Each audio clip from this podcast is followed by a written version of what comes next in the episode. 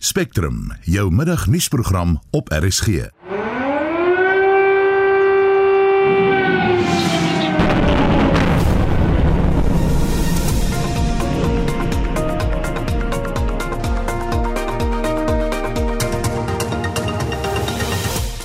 ingeskakel vir die jongste nuus uit Oekraïne onder meer reaksie op voorvalle van beweerde rasisme teen vlugtelinge.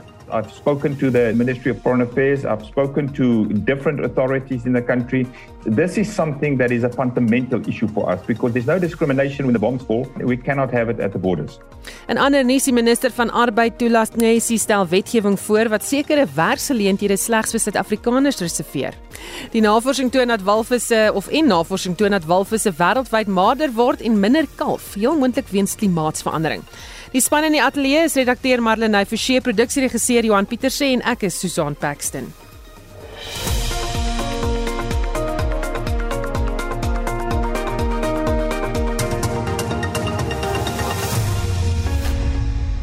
Vier minute oor 12 jy luister na Spectrum en lede van die publiek het nou die geleentheid kommentaar te lewer op die nuwe nasionale arbeidsmigrasiebeleid wat gister deur die minister van arbeid Tulas Ngesi voorgelê is.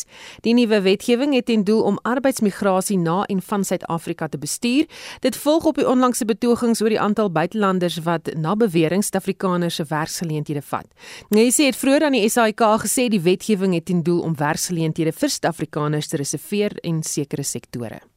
There's an issue of the expectations from South African regarding access to work opportunities, uh, given that now we're faced with very high unemployment. And this national labor migration policy, which we've released for public comment, it, and the proposed legislation is trying to introduce these quotas, as you have said, on a number of uh, foreign nationals in certain industries. We've talked about agriculture, hospitality, tourism, construction, but this list might not be exhaustive. There might be others which might have been identified by the other people. Others are talking about the freight that industry. Nee, sy sê die sektore wat geteken word is die wat nie kritiese vaardighede benodig nie. Hy sê verder dat werkgewers die rede is hoekom daar soveel ontevredenheid is onder lede van die Suid-Afrikaanse arbeidsmag. The labor market has been distorted by the employers who decide that they are going to undermine every law and they decide to bring in uh, the workers at the lower rates without the basic benefits and basic conditions of employment are not there. We are trying to correct that. And as a result, sometimes this is displacing in some areas some of the South African workers, especially at low skills level. Nessie sê verder munisipaliteite pas ook nie behoorlik wetgewing toe nie. So these are the issues which we are trying to address by amending this law. And again, look at uh, what is happening in uh, small traders. Most of the shops in the rural areas in the townships have just been taken over by the Somali colleagues and uh, the Pakistanis and without any laws which are being applied there and municipalities have just allowed for a laissez-faire uh, approach in terms of that because they are supposed to be in control of that space. Volgens hom sal daar uiteindelik kwotas ingestel word wat sal bepaal hoeveel buitelanders aangestel kan word in 'n sekere sektor of maatskappy. At this stage, we have not yet determined the quotas because it will be illegal. It, we must first deal with the law. But the intention is to do exactly that. But it's not going to be a one size fits all in terms of the sectors. In some of them, you might say 10%. In some, you might say 5 5%. In some of them, you might say ring fence the whole particular industry for that. But what you cannot do in terms of the law, in terms of the constitution and international conventions. You can't ban them totally. Nee, sy sê verder dat die wetgewing ook buitelanders wil verbied om sekere besighede in die land te vestig. Amongst others, it's for the shops.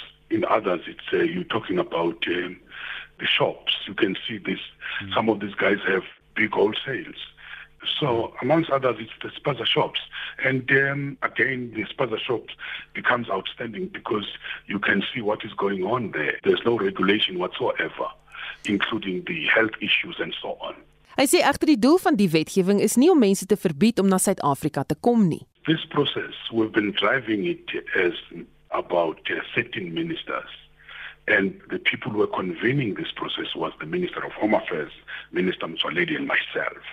And we were alive to all those issues. That is why. And we have been using uh, the ILO has been party to it. We've been talking to constitutional and uh, legal aspects. We've been part of our teams to deal with all these matters. And uh, definitely we're alive to the issue which we are raising. But what we are saying, we can be able to regulate but not to ban. That's the difference. We can't ban them from coming into the country. And you must also differentiate between legal and illegal migrant workers. And the crisis has been created by a lot of companies recruiting illegal migrant workers who are without the documents and so on and so on, not respecting the protocols they are supposed to follow. En dit was die minister van Arbeid, Tulas Ngesi wat vroeër met SAK nuus gepraat het. Die werkgewersorganisasie NIASA sê intussen hy stem glad nie saam met die minister van Arbeid se veralgemening dat die haat teenoor buitelanders deur werkgewers veroorsaak word nie. Die bestuurshoof van die werkgewersvereniging NIASA, Gerard Papenfoos sê die regering moet buitendien eers sy eie huis in orde kry. Ja, die minister pak die skuld op die private sektor vir die indiensname van buitelandse werkers. Maar mens moet 'n bietjie perspektief rondom hierdie ding kry. Nommer 1, die regering het toegelaat dat miljoene buitelandse werkers in die land inkom. Maar as jy nie vir hulle hier wil akkommodeer nie, dan moet jy hulle nooit hier toegelaat het nie. Jy kan hulle nie in die land toelaat en dan vir hulle sê julle mag nie werk kry nie. So hulle kom hier in en hulle kompeteer met plaaslike werkers vir werk vir die meeste van hierdie ouens uh, word vereis die werkgewer 'n uh, werkspermit. Uh, die af van die saak sal daar werkgewers wees wat persone employeer wat nie werkspermit het nie, maar dit is definitief meer werkgewers wat in die informele sektor is in afgesonderde plekke. Die feit is 'n werkgewer wil 'n persoon kry wat hy vertrou en met wie hy gemaklik werk. En hier's 'n realiteit rondom hierdie ding. Ons Suid-Afrikaanse werksmag is in baie opsigte uh, verpolitiseer. Hulle kom met vakbonde by die werksplekke aan looneise wat die werkgewer dalk nie kan bekostig nie. En hier kom ouens aan wat dan sê man ek wil werk. Ek het nie ander belange nie. Ek het na Suid-Afrika toe gekom om werk te kry sodat ek my familie kan versorg op hierdie plekke. Dis 'n realiteit wat in die werksplek afspeel. Daar is werkgewers wat sê ek het 'n buitelander in my diens en my tuin en soos en ek wil nooit iemand anders sê en hierdie ou is 'n wonderlike werker want dit gaan gepaard met 'n gesindheid. Nou moenie verkeerd verstaan nie. Alle Suid-Afrikaanse werkers het nie swak gesindheid nie, maar hierdie ding bly speel 'n groot rol. So dit is 'n uitdaging vir werkgewers, maar dis 'n uitdaging vir die regering, maar ook vir werkgewers. Hier's 'n realiteit wat afspeel op die grond. Dit was die bestuurshoof van die werkgewersvereniging NIASA, Gerard Papenfoos. 'n Arbeidswetkenner van OEM Internasionaal, Chris Jakob sê, "Dit is 'n baie kontroversiële stuk wetgewing." Jakob sê hy is nie seker hoe die regering beoog om dit af te dwing nie. Enige sodanige wetgewing is absoluut uh, kontroversieel. Dis nie vreemd nie, dis nie nuut in enige wêreldsopset nie maar mens moet dit in perspektief sien. My eerste opmerking is oor dit is dat hierdie moet nie gesien word as enigiets wat gaan help tot werkskepping of groter indiensneming van Suid-Afrikaners nie. Daar rondom het die regering nog nie behoorlike planne nie. So dis miskien die eerste ding wat ek net graag wil noem in daardie verband. Die tweede ding is is dat ja, die beleidsraamwerk word nou oopgemaak vir publieke kommentaar of openbare kommentaar. So ons gaan nou almal kan sê hoe ons daaroor voel en hoe ons dink die die probleem aangespreek kan word.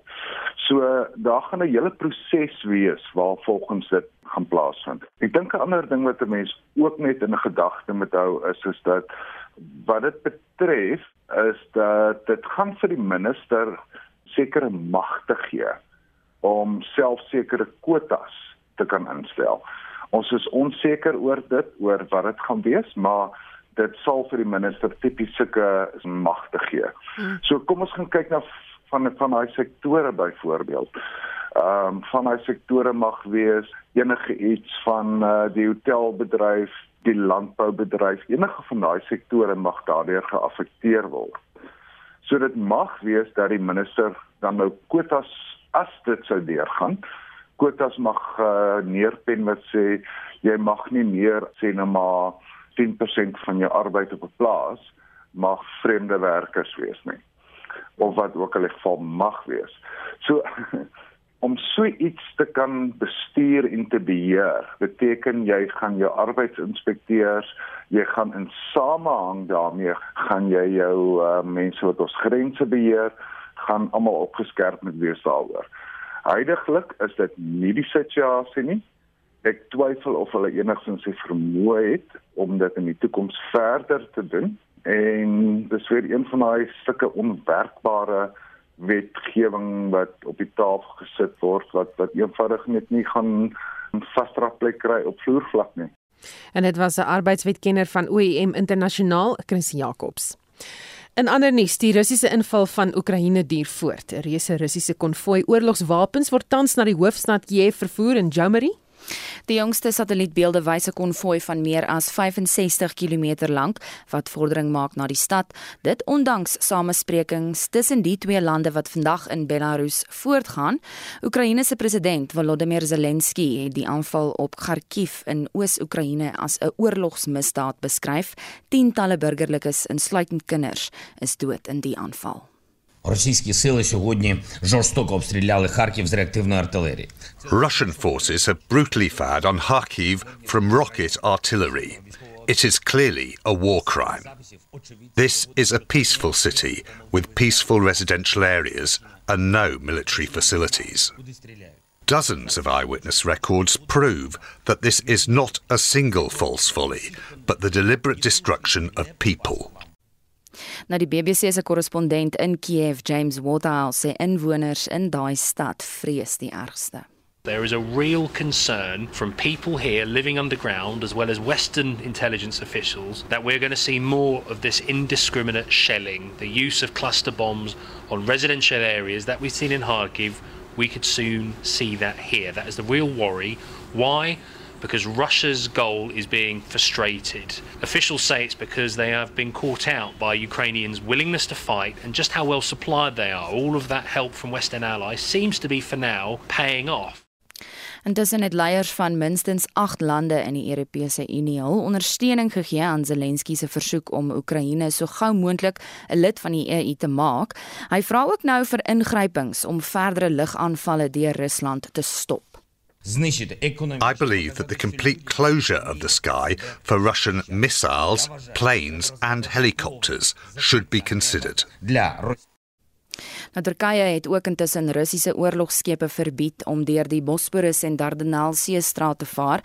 Oekraïne het gister gevra dat die land 'n uh, dekades oue internasionale verdrag aktiveer wat keer dat Russiese oorlogsschepe deur die Middellandse See na die Swart See beweeg. Nou Jenny in Rusland is honderde betogers ook in hegtenis geneem. Dis reg Reuters berig meer as 400 betogers in minstens 13 stede reg oor Rusland is uh, tans in aanhouding en dit is vandag dag 6 van die Russiese inval van Oekraïne en sover is meer as 6000 aktiviste in Rusland in hegtenis geneem weens hulle veroordeling van die oorlog. En Rusland se president Vladimir Putin is intussen van 'n eretitel gestroop. Midde toenemende internasionale sanksies teen Rusland ekonomies en sportverwant, het Wêreld Taekwondo of WT Putin ook nou van sy ere swart gordel gestroop. WT sê die inval van Oekraïne stem nie ooreen met sy lese nie. Vrede is meer kosbaar as oorwinning. En dit was Jamari en sou hou die verwikkelinge vir ons in Oekraïne dop. Intussen word Suid-Afrikaners wat in Oekraïne werk en studeer aangemoedig om so gou moontlik na Pole te vlug. Die Suid-Afrikaanse ambassadeur in Oekraïne, Andrei Groenewald, was nie beskikbaar vir 'n onderhoud op Spectrum vanmiddag nie, maar het vroeër aan die SAK se nuusprogram The Agenda verduidelik wat die situasie op grondvlak is. One of the hotspots would now be the capital, it's Kiev. With regards to the students, uh, many of the students have, you we've been able to get them, especially with train transport to the borders. We've started moving them also through the borders at, in, on the Polish side. And I understand that the facilities on the Polish side for the refugees are, are really good. They're getting water, they're getting food, they're getting clothes, they're getting a SIM card. And of course, there's some students now going also through Hungary, Romania, and even Moldova. So we're moving South Africans, including the students, out. It is a scary situation, but I think it was important for us as an embassy to also to be here in the beginning, especially when the fighting started. I think that the fact that we were here provided some confidence and hoping, you know, that helped them in any way. But we are here we are supporting we are trying to help or helping with with logistics wherever we can and we are starting to see the results now so i'm confident. Dis egter nie net suid-afrikaners in Oekraïne wat hulp nodig het nie. I've been working with about 50 South African students, and from the start, also with probably more than 100 other African students that don't have representation in Ukraine. So we're also assisting them. So it's not only about the South Africans, but the South Africans have been about 50 students, and then there are some other families as well. The other families mostly are people that have been married with uh, Ukrainian citizens, and so they have access to the communities, and it's a little bit easier for them. They know the country a little bit better. But the first stage is then getting them out of the country, and I think the next phase is now to move them to South Africa.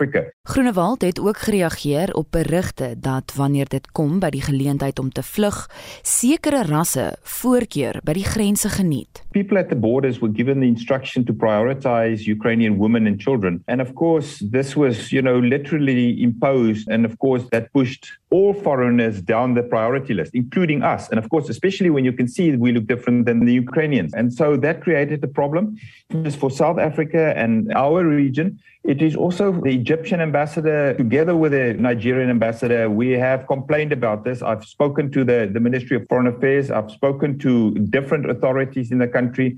This is something that is a fundamental issue for us because there's no discrimination when the bombs fall. We cannot have it at the borders. Dit was Suid-Afrika se ambassadeur in Oekraïne, Andrei Groenewald. Ek is Joan Marie Verhoef vir SAK nuus. En ander nuus, die Afrika kontinent en Suid-Afrika spesifiek gaan na verwagting deurloop onder droogte, voedseltekorte en die uitwissing van die land se biodiversiteit as klimaatsverandering nie gestop word nie.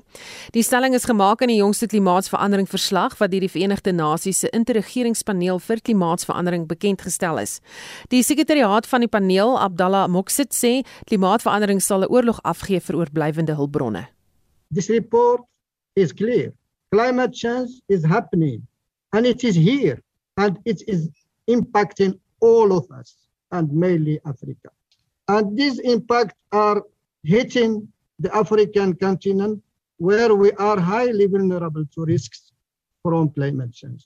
Madagascar is suffering from the worst drought in decades, focusing, forcing tens of thousands of people to scavenge the food.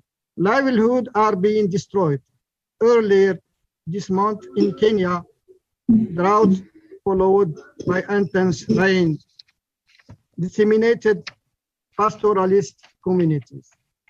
When climate change destroy a community, community not prepared for the changes, new conflicts can arise as people compete for the remaining resource. Afrika is veral blootgestel aan die impak van klimaatsverandering. Debra Roberts wat ook bygedra het tot die verslag sê, die verslag se bevindinge is uiters belangrik. And so it's really important to understand what the policy says or what the science says about climate change and what that might mean for both our present and our future on the magnificent continent we all live in. Robert sê verder Afrika pas nie vinnig genoeg aan nie. Maar wat beteken dit nou eintlik? So, working group two is very important because it has the so what element of the story. What do these changes in the physical climate system actually mean in terms of the impacts we're exposed to, both human and natural communities, or yeah, both human and natural communities, the kind of adaptation we might put in place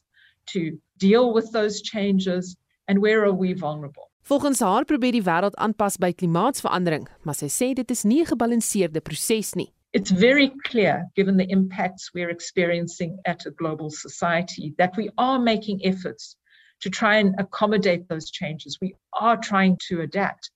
But the very strong message is that those actions are uneven, they're not at scale, and they're not fast enough. So while we're attempting to accommodate the changes that are emerging, in the global climate system, we have got a long way to go. And because we are not adapting effectively and efficiently, we are putting at risk the opportunity of creating a climate resilient world. Robert sê die verslag beklemtoon dat die toekoms van die kontinent op die spel is indien alle kwessies op die kontinent nie hand aan hand met klimaatsveranderingsprobleme opgelos word nie. But it points out that we will be short-sighted in tackling the climate change challenge outside of the broader development challenges of our continent and the world. And that we have to deal with climate change as part of the bigger development challenges that we are facing. En dit was Debra Roberts van die eh, IPCC klimaatsveranderingspaneel van die Verenigde Nasies. Ek sien dat die uh, departement van omgewingsake pas 'n persverklaring vrygestel het wat sê Suid-Afrika verwelkom die verslag. Maar vir sy reaksie oor die verslag praat ons nou met die bestuurshoof van die Wêreld Natuurfonds Dr. Morney Du Plessis of Natuurlewe Fonds Dr. Morney Du Plessis. Goeiemiddag Morney. Goeiemôre. Hierdie verslag skets 'n baie donker prentjie oor die kontinent en klimaatsverandering, reg? Ja, ek dink 'n donker prentjie, maar uh, nie 'n uh, prentjie wat ons niks aan kan doen nie. Jy weet, uh, daar daar is wel goed wat ons kan doen om seker te maak dat ons uh, die die ongeluk uh, uh, uh, vermy. Nou, die verslag verwys na hoë temperature, droogte en dood. Wat presies is gevind daaroor? Kyk, ehm um, die die uh, uh, verslag uh, sê vir ons dat uh, jy weet as ons nie daadwerklik uh, ons uh, kweekhuisgas uitsette verminder nie dan gaan ons uh, temperature ervaar wat uh, ons baie baie hard in die sak gaan slaan ons ekonomie. Maar dit gaan ons nie net in die sak slaan nie dit gaan ook uh, groot uh, um, uh, gesondheidskwessies menslike gesondheidskwessies veroorsaak. Dit gaan ons landbouproduksie ontsaglik uh, tref En en hierdie tekens is al reeds daar. Dis nie as ons praat ons praat van 'n trein wat 'n skim in die, in in die verte is nie. Ons praat van iets wat wat uh, reeds op ons afpyl. En uh binne die volgende uh 8 jaar moet ons ons ekkiesgasse sies vir 40% verminder. Uh dit is dit is 'n uh, 'n uh, tol order soos die Engels sê. Sien geweer met hoeveel want jy het effens weggebreek daar?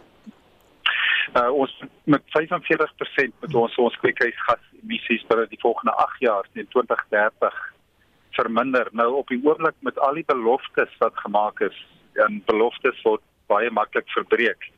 Maar met al die beloftes wat op die tafel is, gaan ons binne die volgende dekade met 14% groei in daai kweekhuisgas uitsette. So jy weet uh iewers uh gaan iets moet skiet gee en uh as as ons nie uh daai kweekhuisgasse verminder nie dan uh, dan gaan ons dit in ons sakke en ons gesondheid en ons landbouproduksie en ook in ons ekosisteme ervaar. Hmm. As ons praat van landbou, dit kan lei tot voedseltekorte. Ja, natuurlik. En uh, ons ons het reeds uh jy weet van 2005 af word daar geskat dat daar omtrent 30, ek dink hulle sê 34% op presies te wees vermindering in landbouproduksie oor Afrika gehad as gevolg van klimaatsveranderingsimpakte. En ehm um, jy weet so dit dit dit uh, wys dat ons in die toekoms 'n uh, redelike 'n uh, 'n uh, kwessie vir ons het wat ons ehm um, jy weet nie kan terugstaan en na kyk nie. En hierdie verslae wat een na die ander uitkom sê basies presies dieselfde ding. Dit is asof die skrif aan die muur is en uh dit is vir ons dan 'n kwessie of ons gaan uh jy weet in die muur in vashardloop of gaan ons uh uh, uh die muurpyp kan en deur ons aksies om uh, al die kweekhuisgas uh, uitsette te verminder. Goed, kan ons dit regstel? Ons kan dit regstel ja, maar ek dink as ons uh jy weet uh aanhou uh Ek dink ek dink wat mense uh, miskien moet verstaan is dat in Afrika is is die uh, kontinent uh, wat die wat die kleinste die kleinste bydrae maak tot kweekhuisgas uitsette. En en dit gaan een van die kontinente wees wat die grootste gestraf word as gevolg van die impakte van klimaatsverandering. Nou dit is nie regverdig nie. Ehm uh, jy weet die die kan mense baie duidelik sien en um, vir ons om uit ons uh, in ons transisie en ons oorgang in te beweeg wat ons hernubare energie bronne ten volle benut en wegskuif van fossielbrandstowwe van steenkool, olie en gas. Uh gaan beteken dat baie baie geld finansiële hulp van buite af moet kom net om daardie onregverdigheid te help regstel want ons gaan dit op ons eie nie kan regkry nie ons gaan baie na die noorde moet kyk Baie dankie. Dit was die bestuurshoof van die Wêreld Natuurlewe Fonds, Dr. Morney Du Plessis. In Gauteng word daar skouer aan die wiel gesit om werkloosheid deur middel van elektro elektroniese afval teen te werk. Inwoners van die provinsie kan binnekort geld kry vir ou toestelle wat hulle wil weggooi en waardevolle komponente in die toestelle sal dan deur die jeug hergebruik en verkoop word. Dit vorm deel van 'n projek wat vandag deur die provinsiale regering geloods word in samewerking met die Universiteit van Johannesburg. Malene Forsie berig, dit is eh, nie net 'n wen vir werkskepping nie, maar ook vir die omgewing. Die toestelle waarvan ons hier praat, sluit rekenaars, drukkers, mikrogolwe en selfs slimfone in. Nou wanneer dit op stortingsterreine opeindig, staan dit bekend as elektroniese afval en dit word vinnig een van die wêreld se grootste vorms van besoedeling. Volgens Ricky Jansen van Rensburg aan die Universiteit van Johannesburg word jaarliks sowat 53 miljoen ton e-afval gegenereer. The key thing is to direct the electronic appliances away from landfills, batteries, and all of those things away from the landfills and get it into formal recycling programs. And that we work with all the actors in the, the recycling um, sector. And, you know, we have uh, the informal sector playing such a big role and we need to figure out how do we incorporate them. And the, the key thing is, is to stop thinking of, of it as waste, but really as a valuable resource that can be mined, that can be brought back into the economy. And that it's an opportunity to create jobs. Die universiteit gaan nou saam met die provinsiale regering werk om die jeug op te lei om juist dit te kan doen. We've started with programs in just small appliance uh, refurbishment, teaching young kids from, from TVET colleges those basic skills so that you, you have a, a sellable skill in terms of being able to fix toasters and kettles and those kind of small appliances. And as they develop their skills, they graduate through programs that they can deal with larger appliances and other opportunities. Die ANR vir Finansies en E-regering, Nomantu Nkomoraleoko, sê hulle gaan verskeie aflaaipunte reg oor die provinsie oopmaak en dat inwoners geld vir hulle afval kan ontvang. We will definitely pay you because that's yours, remember. It belongs to you. So there is a certain amount that must give you because this thing that you bring to us, it's your gadget that you loved, by the way. But how do we encourage you now to go out and look for other gadgets? Die verslag is saamgestel deur Tsepo Pagane. Ek's Marlene Forsie vir SAK nuus.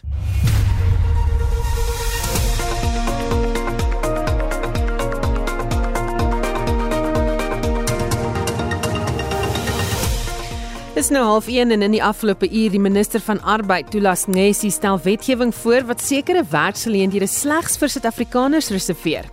En later in die program, dis Menseregte Bewusmakingsmaand, ons praat met die suster van 'n slagoffer van die Life Esidimeni tragedie. Sandra de Villiers se broer is dood tydens die voorval, jy wil die onderhoud nie mis nie.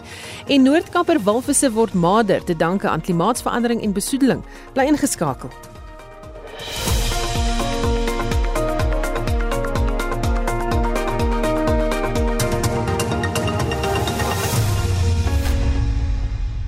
12:32 jy luister na Spectrum.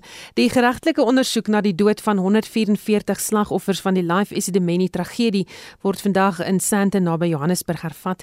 Een van die getuies Sandra de Villiers se broer Jaco Stols se toestand het agteruit gegaan nadat hy na 'n nie-regeringsorganisasie oorgeblaas is. Sy het gister getuig en sy praat nou vanmiddag met ons. Goeiemiddag Sandra Ah, goeiemôre, gegaan dit? Met my gaan dit goed, maar dit moes vir jou baie traumaties gewees het om gister al hierdie dinge weer te onthou. Ja, ag weet jy, dit was baie hartseer geweest want weet dit daai pleister word jy afgeruk. En uh, al die seer kom weer terug. Weer is maar moeilik geweest, was nie maklik nie. Hmm. Want was die eerste tekens dat jou broer nie goed versorg word nie? Net hy begin maar word en hy het uh, altyd gesê hy uh, Hulle het ook gesê hy het ook al gesê hulle maak hom seer en hy het verskriklik gewig verloor en ek kon sien hy was nie meer gelukkig geweest nie. En hy het baie gehuil as ek na hom toe kom en gesê hulle maak hom seer en ja, dit is smart seer, dis waar alles begin het. En Sandra, as hy dit vir jou vertel het, jy weet hoe dit jou hart gevoel en en kon jy met die mense praat en sê luister, hy kla. Weet jy, uh, dit was maar moeilik geweest want hulle het my my nooit toegelaat in die sale nie, maar was op 'n stadium baie siek, toe moes ek homself na 'n privaat dokter toe neem wat hom uh ondersoek het en bevind dat my boetie regtig baie agteruit gaan en dat hy ondervoed is en uh hy's besig om te ontwater. So dis wat gebeur het op die einde van die dag het ek homself na 'n dokter toe moes vat. Jou broer is in 2016 oorlede. Raak jy ooit gefrustreerd met hoe lank hierdie proses duur? Ja, of weet jy dit raak 'n frustrasie want dit voel net of dit nie tot 'n punt kom nie. Want daar is so baie mense wat uh, se lewe daarmee heen is en dis nou al hoeveel jaar na die situasie en niks het verander nie. Hm. Vandag by die geregtelike doodondersoek sal getuienis aangehoor word oor die oorsake van jou broer se dood. Hoe hanteer mens dit? Weet jy dis baie hartseer want ek het nooit 'n nadoodse ondersoekverslag gekry nie en ek het begin luister na die dokter wat my broer gekonsulteer het die dag hy die nadoodse ondersoek uh, verslag gekry en om na alles te luister wat hulle bevind het dit ek weet nie dis net hartverskeurende So hierdie is die eerste keer dat jy eintlik hoor wat gebeur het met hom. Dis reg, ja, dit is die eerste keer wat ek daarvan gehoor het. Ja.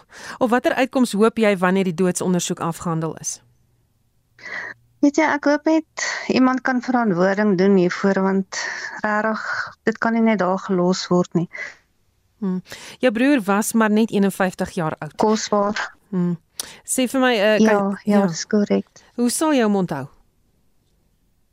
Ag, weet jy, hy was altyd hierdie liefdevolle kind gewees en hy het altyd ou teddybeertjie gehad met die naam Oortjies en hy het altyd 'n sakkie om die nek gehad met al sy waardevolle goedjies in wat vir hom waardevol was soos 'n boekie en 'n pen en 'n stukkie papier of 'n kaartjie. En niemand mag dit van hom weggevat het nie, want dit was sy kosbaarste besitting op aarde gewees. Sandra, as jy nog daar? Ja, ek is hier so. Goed, lekker. Vind klink vir was so bietjie weggebreek het daar. Ehm um, baie dankie dat jy met ons gesels het. Ek weet dit is moeilik om al hierdie dinge te onthou en en weer daar te gesels. Ehm um, dit was Sandra de Villiers, wie se broer Jaco Stols, een van die slagoffers was van die Life Isidimeni tragedie. Die organisasie wat Sandra de Villiers bystaan is AfriForum se privaat ondersoekeenheid en Solidariteit Helpende Hand. Ons praat nou met die adjunk uitvoerende hoof van Solidariteit Helpende Hand, Renay Roo. Goeiemôre Renay. Goeiemôre. Hoekom het Solidariteit Helpende Hand tot hierdie saak toegetree? Kyk, Helpende Hand wil deur maatskaplike gebaseerde gemeenskapsontwikkeling die selfontwikkeling van die mens en 'n inter gemeenskap ontwikkel om as volwaardige persoon in die gemeenskap te staan. So ons fokus op die welstand, die holistiese welstand van ons kwesbare groepe. En dit is dan ons bejaardes, ons kinders en dan nou in Sandra en Jacques se geval ons persone met gestremthede. Nou ons het 5 jaar terug toegetree omdat ons moes en omdat hierdie mense nie vergeet mag word nie. En ja ons tree nou weer toe omdat ons omdat die reg moet geskied. Die mense wat verantwoordelik was moet verantwoordelik gehou word. En daarom juist tree dan help en aan Afriforum se privaat vervolgingseenheid. Sandra toe en ons help haar in die geregtelike in die geregtelike dookondersoek saam met advokaat Phyllis Forster aanklaar aanklaar by die privaat vervolgingseenheid skiet man ek is net 'n bietjie emosioneel na Sandra se onderhoud. Dit is net altyd dis nie lekker om dit te hoor nie, sies tog. Nee, ek vond dit is nie lekker om te hoor nie. Ek ek sit nou en dink, jy weet, uh, Sandra gehoor nou goed wat sy vir die eerste keer, sy het nie ja. geweet nie, sy hoor vir die eerste keer hierdie inligting dis om van voor af te rou oor haar broer. Maar wat 'n emosionele ondersteuning bied julle vir haar? Ja, kyk, Alpenhand tree toe as maatskaplike organisasie vir ondersteuning. So boonbehalwe dan nou die gesprekke wat gevoer was met Afriforum om seker te maak dat ons twee instansies die saak verder neem. Ehm um, ja, dit is, is harte en deur ook al jare ook te Sandra vir ondersteuning en die groot trauma wat steeds verwerk moet word. So sy weet dit is altyd welkom by ons as maatskaplike dienste en ja, ook die feit dat ons kan seker maak dat regtig skiet in 'n vorm van ondersteuning om byvoorbeeld net hierdie onderhoud te doen vandag en dit in die media te kry en vir die mense vertel wat gebeur het en deel dit die bewusmaking te hou van dit. Dit is nou 5 jaar gelede, maar uh, dit is nie weg nie. Reg moet geskied en ja, mense wil graag help om Sandra se stem te wees en dan nou ook die ander 144 slagoffers se stem wat nooit self kon praat nie. Hmm. Is daar ander gevalle soos die van Jaco Stols wat nie noodwendig die nodige aandag gekry het nie of steeds nie kry nie?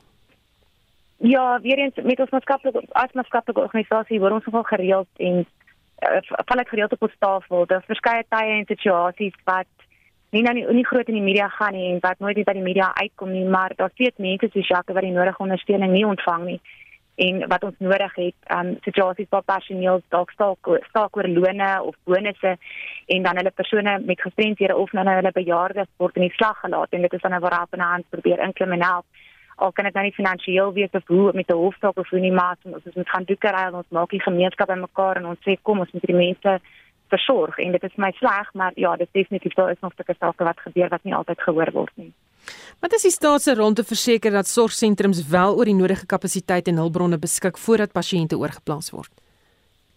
Ja, kyk, die staat en verskeie instellings het verstoors gesê dat en Sandra ja, dat die slagoffers is afgehaal. Kyk, dit is 'n skrydende skande dat hierdie weerlose mense na bewering in die van die hand van die staat so versorg moet word en dan as gevolg van dit gesterf het.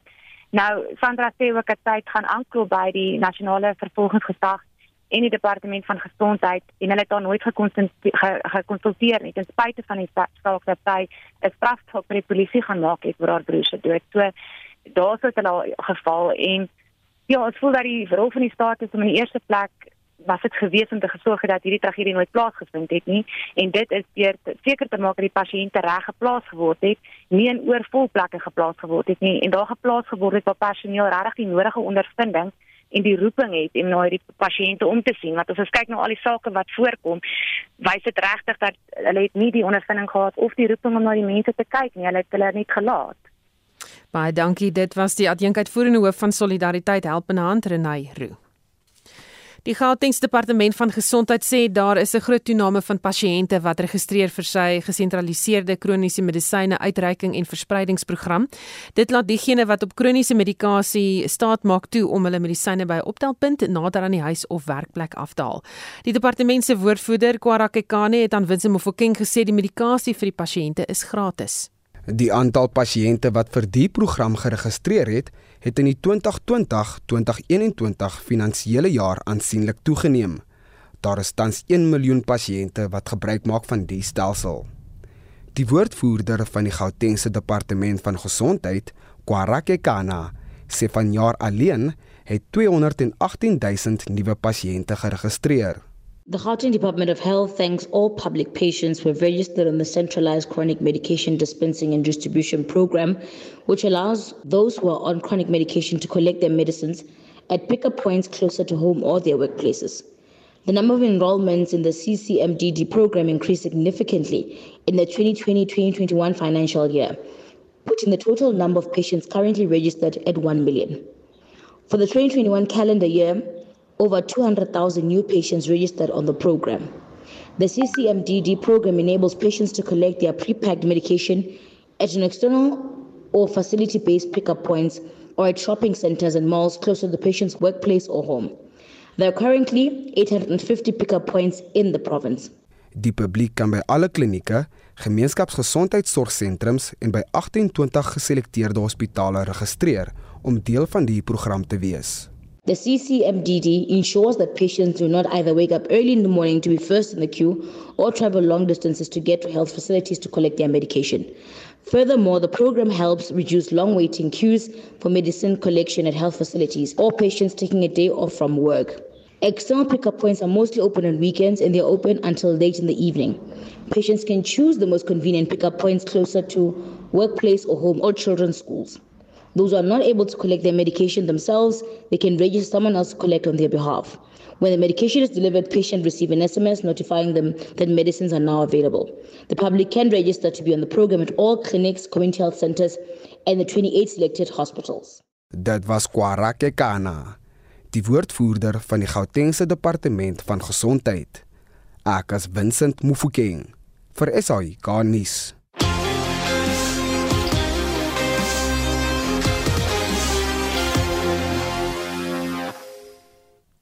Rusland word uh, daagliks meer geïsoleer vanuit 'n sportoogpunt na verlede week se inval op Oekraïne. Sokker sokker se wêreldbeheerliggaam FIFA en sy Europese lid UEFA is die jongste om alle bande met Rusland te sny.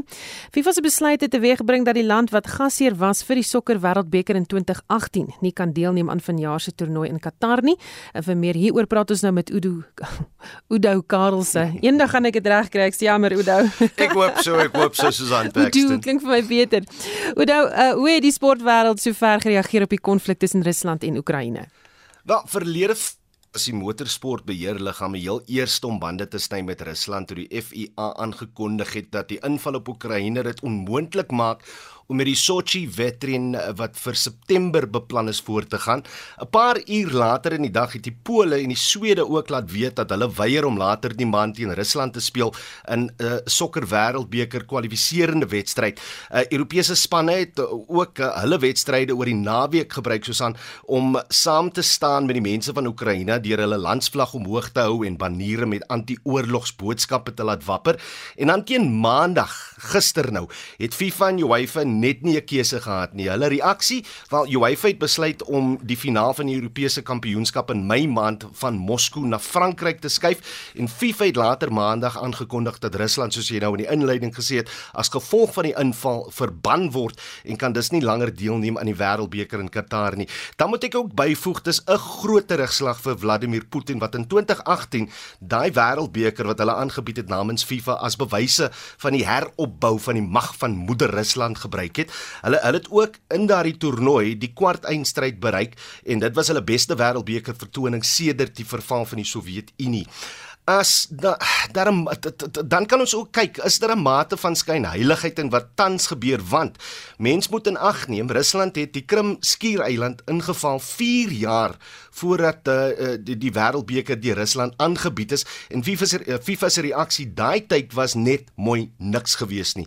Op 'n ander vlak het klubs soos Manchester United uh, United ook hulle borgskap deur Aeroflot die Russiese lugredery gestaak terwyl klubbases soos uh, Chelsea se Roman Abramovich die bestuur van die klub aan 'n trust oorgehandig het uh, en daar is mos nou wyd bespiegel dat hy een van die groot oliebase is wat op die Verenigde Koninkryk se sanksies lys is.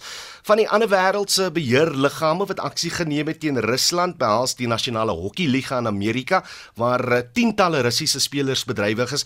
Hulle het ook hulle bande met Russiese maatskappye wat borgskap verleen aan die liga stopgesit en dan vanoggend het ons ook gesien die internasionale tennisfederasie is deur Oekraïne gevra om alle spelers van Rusland en Belarus te verban van van hul kompetisies. Die groot vraag is as hulle dit wel doen, wat gebeur dan met die wêreld se topgekeerde manspeler Daniel Medvedev? En dan laastens Susan, die een met moontlik die grootste impak, die internasionale Olimpiese komitee het gister alle nasionale verenigings gemaan om voortaan nie teen atlete van Rusland Rusland en sy bondgenoot Belarus uh, mee te ding nie. Of daar daad by hulle woord gevoeg sal word moet ons maar wag en sien. Wat ons wel weet is besluite moet nou vinnig gemaak word want die paralimpiese spele begin Vrydag in Beijing En dan sportnuus wat op Suid-Afrika betrekking het, terwyl gedaan aan die Proteas wat in Nieu-Seeland met die swartpette afgereken het. Man, kom ek stel dit so wat 'n fantastiese uitslag as uh, mense in ag neem en ek dink Suid-Afrikaners het nie waardering vir wat voor die reeks gebeur het nie. Ons moet onthou, hierdie span het 2 en 'n half dae lank gevlieg net om by Nieu-Seeland uit te kom uh, dan onmiddellik moes die span vir 3 volle dae in isolasie bly lydens se uh, COVID regulasies in Nieu-Seeland uh, gevolg deur nog 4 dae Susan uh, waar hulle net op die hotel per, perseel kon kon rondstap en ook net op sekere tye en tussenin net 'n klein groep uh spelers op 'n beurt uh oefeninge kon bywoon. So dis te verstaan dat hulle sleg verloor het in die eerste toets wat uh dan hulle terugveg in die tweede toets net soveel meer kragtig maak. Die sege natuurlik wat van vanoggend tot 'n einde gekom het uh, wat gelei het tot 'n uh, oorwinning van 'n 198 lopies was ook die heel eerste keer dat 'n span by Hagley Oval gekies het om eerste te kolf en ook gewen het. So briljante besluit deur kaptein Dean Elgar. Ons span kom natuurlik nou eersdag weer te, weer terug. Dan pak hulle Bangladesh aan op uh, tuisbodem 18de Maart is die eerste eendag wedstryd tussen die twee en dit gaan 'n interessante reeks wees want ons topspelers spelers soos Kagiso Rabada, Andrich Norkie wat nou herstel het van besering, uh mense soos Andre uh, Aiden Makram, hulle gaan nou in die IPL speel so die toetsreeks reeks gaan 'n geleentheid bied aan spelers wat nou op die periferie staan en en nou nog nie gekies is nie om om te wys wat in hulle steek. Tussenin kom 'n uh, uiters sterk vroue proteespan ook vandag te staan teen Engeland in 'n opwarmings opwarmingswedstryd uh, te voorbereiding van die vroue eendag wêreldbeker en ons skop natuurlik Saterdag amptelik daai toernooi af met 'n wedstryd teen Bangladesh. Baie dankie, dit was Oudo Karelse met die jongste nuus vanaf die sportveld.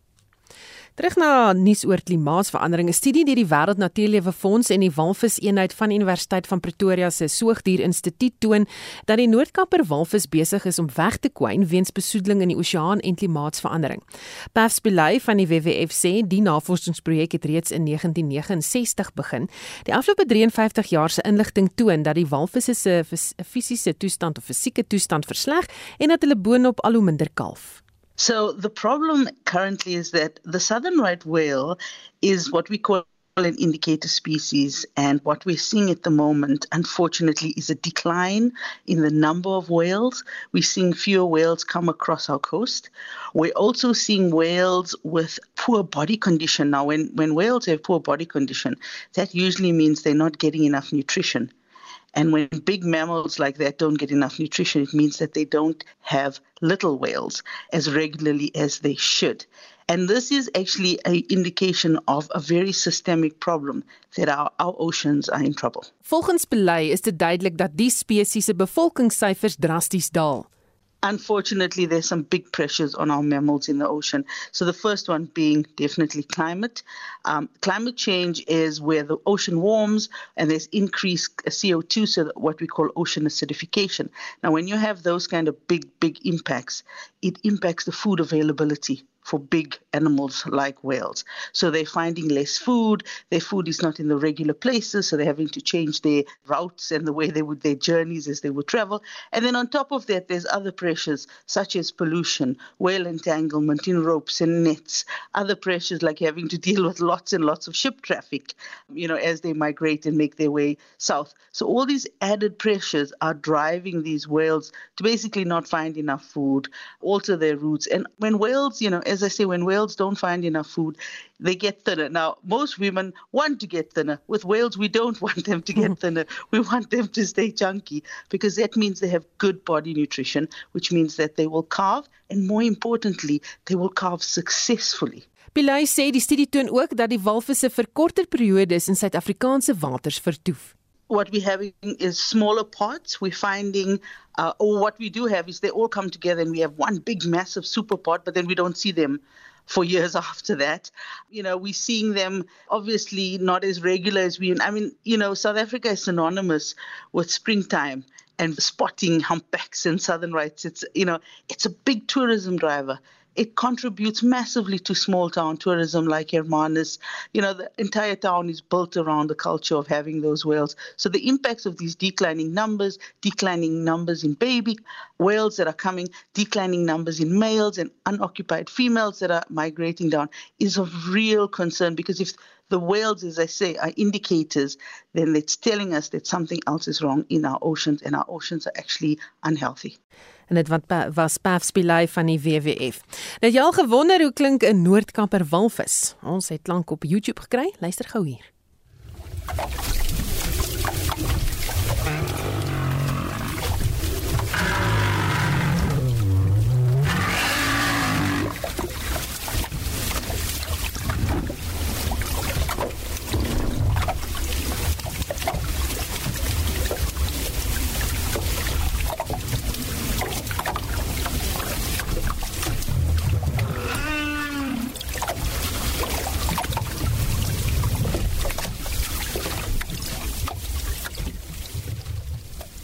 Sê 'n opname van hoe die Noordkapper walvis klink, sommer net vir die interessantheid daarvan. Tyd vir sake nuus en die sake nuus word aangebied deur Renier van Sail portefeulje bestuurder by Efficient Private Clients. Goeiemôre Renier. Goeiemôre en goeiemôre aan almal wat inluister. As ons wegspring en ons kyk na ons plaaslike alle aandele indeks en ons top 40 indeks is positief vandag beide is op met 'n persentasiepunt en dan uh, hulle word hoofsaaklik hoorgetrek natuurlik deur ons banke wat ook lekker sterk is hulle is op 2.5% en ons hulpbronne is ook sterk vandag op met 0.8% na gister se sterk prestasie as ons kyk na die grootste bewegers is 'n uh, eh, PSG op met meer as 18%. Nou sien ook dat Bidvest op is met meer as 7% op die rug van sterk resultate. Aan die kan van die minstuk Impala Platinum is 8% en Anheuser Busch is laer ook met 5% vir die dag. As kyk by die rand eh is 'n klein bietjie swakker op 15.38 teen die dollar, 20.61 teen die pond en dan 17.20 teen die euro. En as ons kyk na ons kommoditeite is 0.6% sterker op 1922 dollars per fyn ons en die prys uh, Brent olie is uh, so klein bietjie laer op 'n dollars Brent. Die Amerikaanse markte het gewen die S&P 500 wat laer was en die tegnologiese Nasdaq wat op was en meeste markte in Europa op die oomblik is natuurlik laer op die rug van die oorlog wat besig is om plaas te vind en dis dan al van my kant af. Baie dankie, dit was Renier van Sail portefeulje bestuurder by Efficient Private Clients.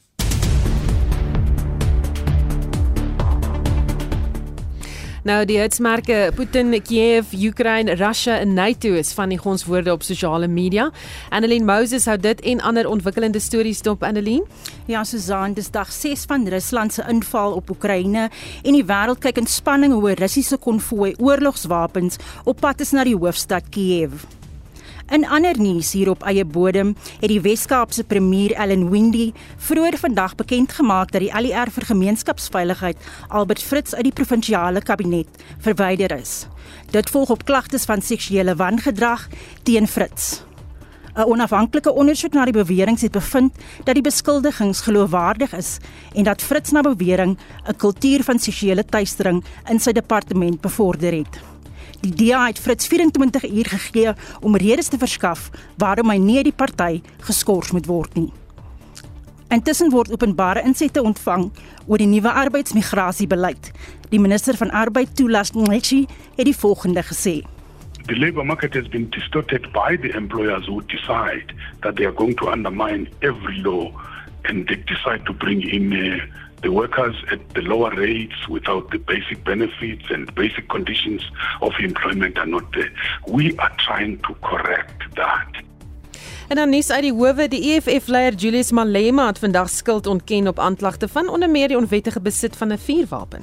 Ja, die saak het vandag in die Oos-London Streekshof in die Oos-Kaap hervat. Malema het sy reg voorbehou om nie 'n pleitverduideliking te gee nie en die verhoor duur voort. En Suid-Afrikaners raak jaarliks van 360 000 ton e-rommel ontslaa. Môre in Monitor vra ons, wat doen jy met jou elektriese en elektroniese rommel? Begin sommer nou al saampraat. Stuur 'n SMS na 45889 teen R1.50 per SMS of jy kan 'n WhatsApp stemnota stuur na 076 536 6961 of gaan maak sommer 'n draai op ons Monitor en Facebook se Spectrum se Facebookblad. So is dit daai WhatsApp stemnotas vir ons. Ons wil hoor wat jy sê 0765366961. Ons wil weet wat doen jy met jou elektroniese ehm um, rommel? Dis nou uh, jou televisieskerm, dit is 'n selfoon, enigiets so iets. Stuur vir ons 'n stemnota 0765366961 en dit was Annelien Moses met 'n blits nuus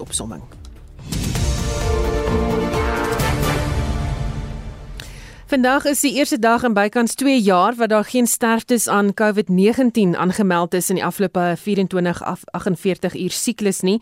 Dit is nie duidelik of dit is die inligting beskikbaar was uh, of dit is die inligting al wat beskikbaar was toe die statistiek bekend gemaak is nie.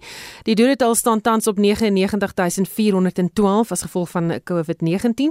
785 nuwe koronavirusgevalle is in die afgelope 24 uh, uur na 48 uur siklus aangemeld. 99 898.000 inentings is ook in hierdie tydperk toegedien. En dan 'n bekende stem hier op Monitor en Spectrum natuurlik is die uh, Johannesburgse Metropolisie uh, woordvoerder Wayne Minnar en uh, hy het uh, gister na 40 jaar by die Johannesburg Metro het hy uitgetree. Minnar wat in 1981 as verkeersbeampte aangestel is, was voor sy aftrede lank 'n woordvoerder vir die Metropolisie en ons het gereeld met hom gepraat en uh, ja, nee, mens moet aan hom hulde bring vir al sy harde werk en sy bereidwilligheid met ons ons te gesels en ook om vinnig te reageer as ons hom nodig het om vir ons iets te sê. Dis nou Wayne Minnar wat afgetree het. Hy was die woordvoerder van Johannesburg Metropolisie. Vorige uitsendings van Spectrum is beskikbaar op potgooi gaan net na RC se webblad by www.rc.co.za. Ons het namens ons uitvoerende regisseur Nicoline de Wee ook vandag ons redakteur was Marlene Forsie en ons produksieregisseur is Johan Pieterse. My naam is Susan Paxton bly ingeskakel vir 360.